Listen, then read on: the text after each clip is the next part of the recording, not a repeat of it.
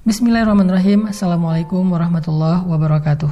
Teman-teman sekalian, kita pengen waktu kita di bulan Ramadan gak ada yang sia-sia. Tetapi kita juga gak sanggup sepanjang hari dan sepanjang malam itu sholat atau tilawah terus. Nah, terus gimana caranya biar kita tetap dapat pahala ibadah, tapi kita nggak harus selalu dalam keadaan bersusah payah dan uh, capek. Intinya pengen ibadah yang ringan tapi pahala besar apa yang harus kita lakuin? Gampang. Ada banyak banget di dalam hadis Nabi tentang ibadah yang ringan tapi nilai pahalanya besar. Salah satunya kata Nabi, kalimatan khafifatan alal lisan, sakilatan fil mizan, habibatan ila rahman. Subhanallah wa bihamdih, subhanallahil azim.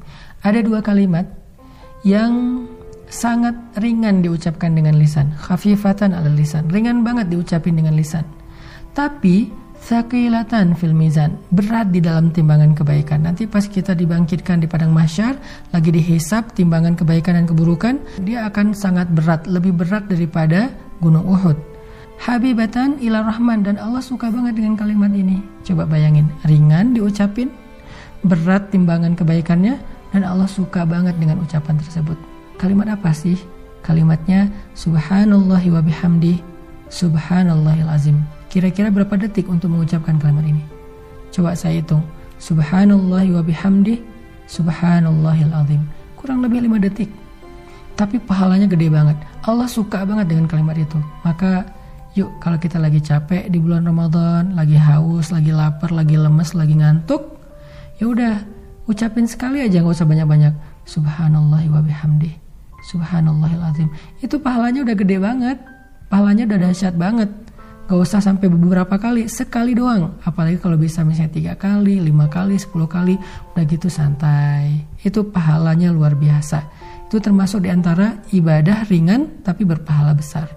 Terus apa lagi Ustadz? Ibadah ringan, pahala besar. Caranya repost atau broadcast atau story. Gimana maksudnya?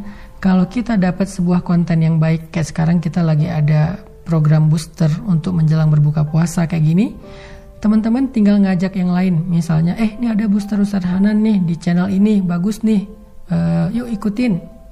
Kita tinggal ngajak doang. Ngajaknya bisa dengan kita kopas, bisa dengan kita story link, bisa dengan kita BC, broadcast, Lalu teman kita nanti akan ngajak lagi yang lain sampai akhirnya bergulir jadi banyak misalnya 10 orang, 20 orang, 100 orang yang kita nggak sadari. Terus pahalanya di mana? Ketika mereka menonton sebuah konten-konten tentang kebaikan, konten ibadah, konten motivasi, konten agama, lalu mereka mendapatkan ilmu, maka mereka akan mendapatkan pahala mencari ilmu. Pahala yang sama mengalir untuk kita yang mengajak pertama.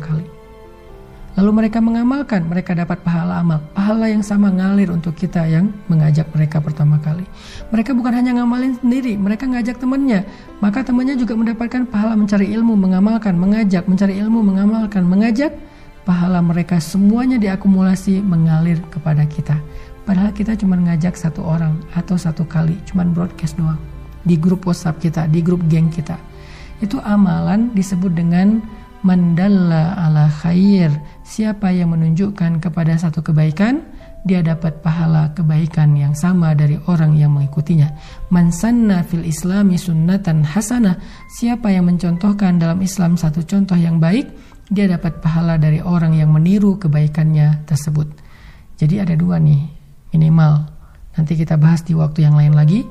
Amalan yang ringan tapi berpahala besar untuk ngisi waktu-waktu jeda, waktu-waktu break kita di siang ataupun malam-malam Ramadan.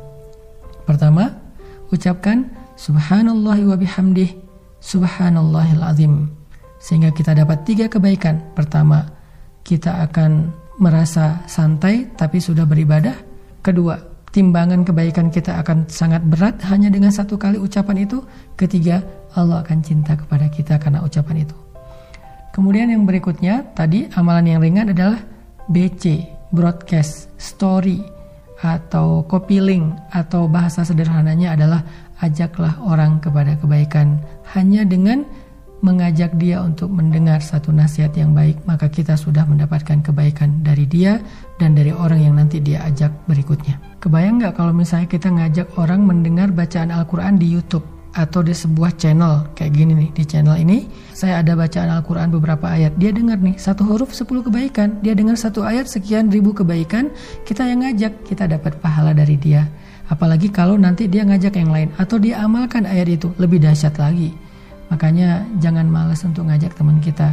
Yuk kita saling share link dari kajian-kajian yang baik seperti ini supaya semakin banyak orang yang mendekat kepada Allah. Dan ketika mereka mendekat kepada Allah jalannya lewat kita maka Allah nggak akan salah menilai. Allah pasti akan berikan semua pahala kebaikan mereka untuk yang pertama kali mengajak. Barakallahu fikum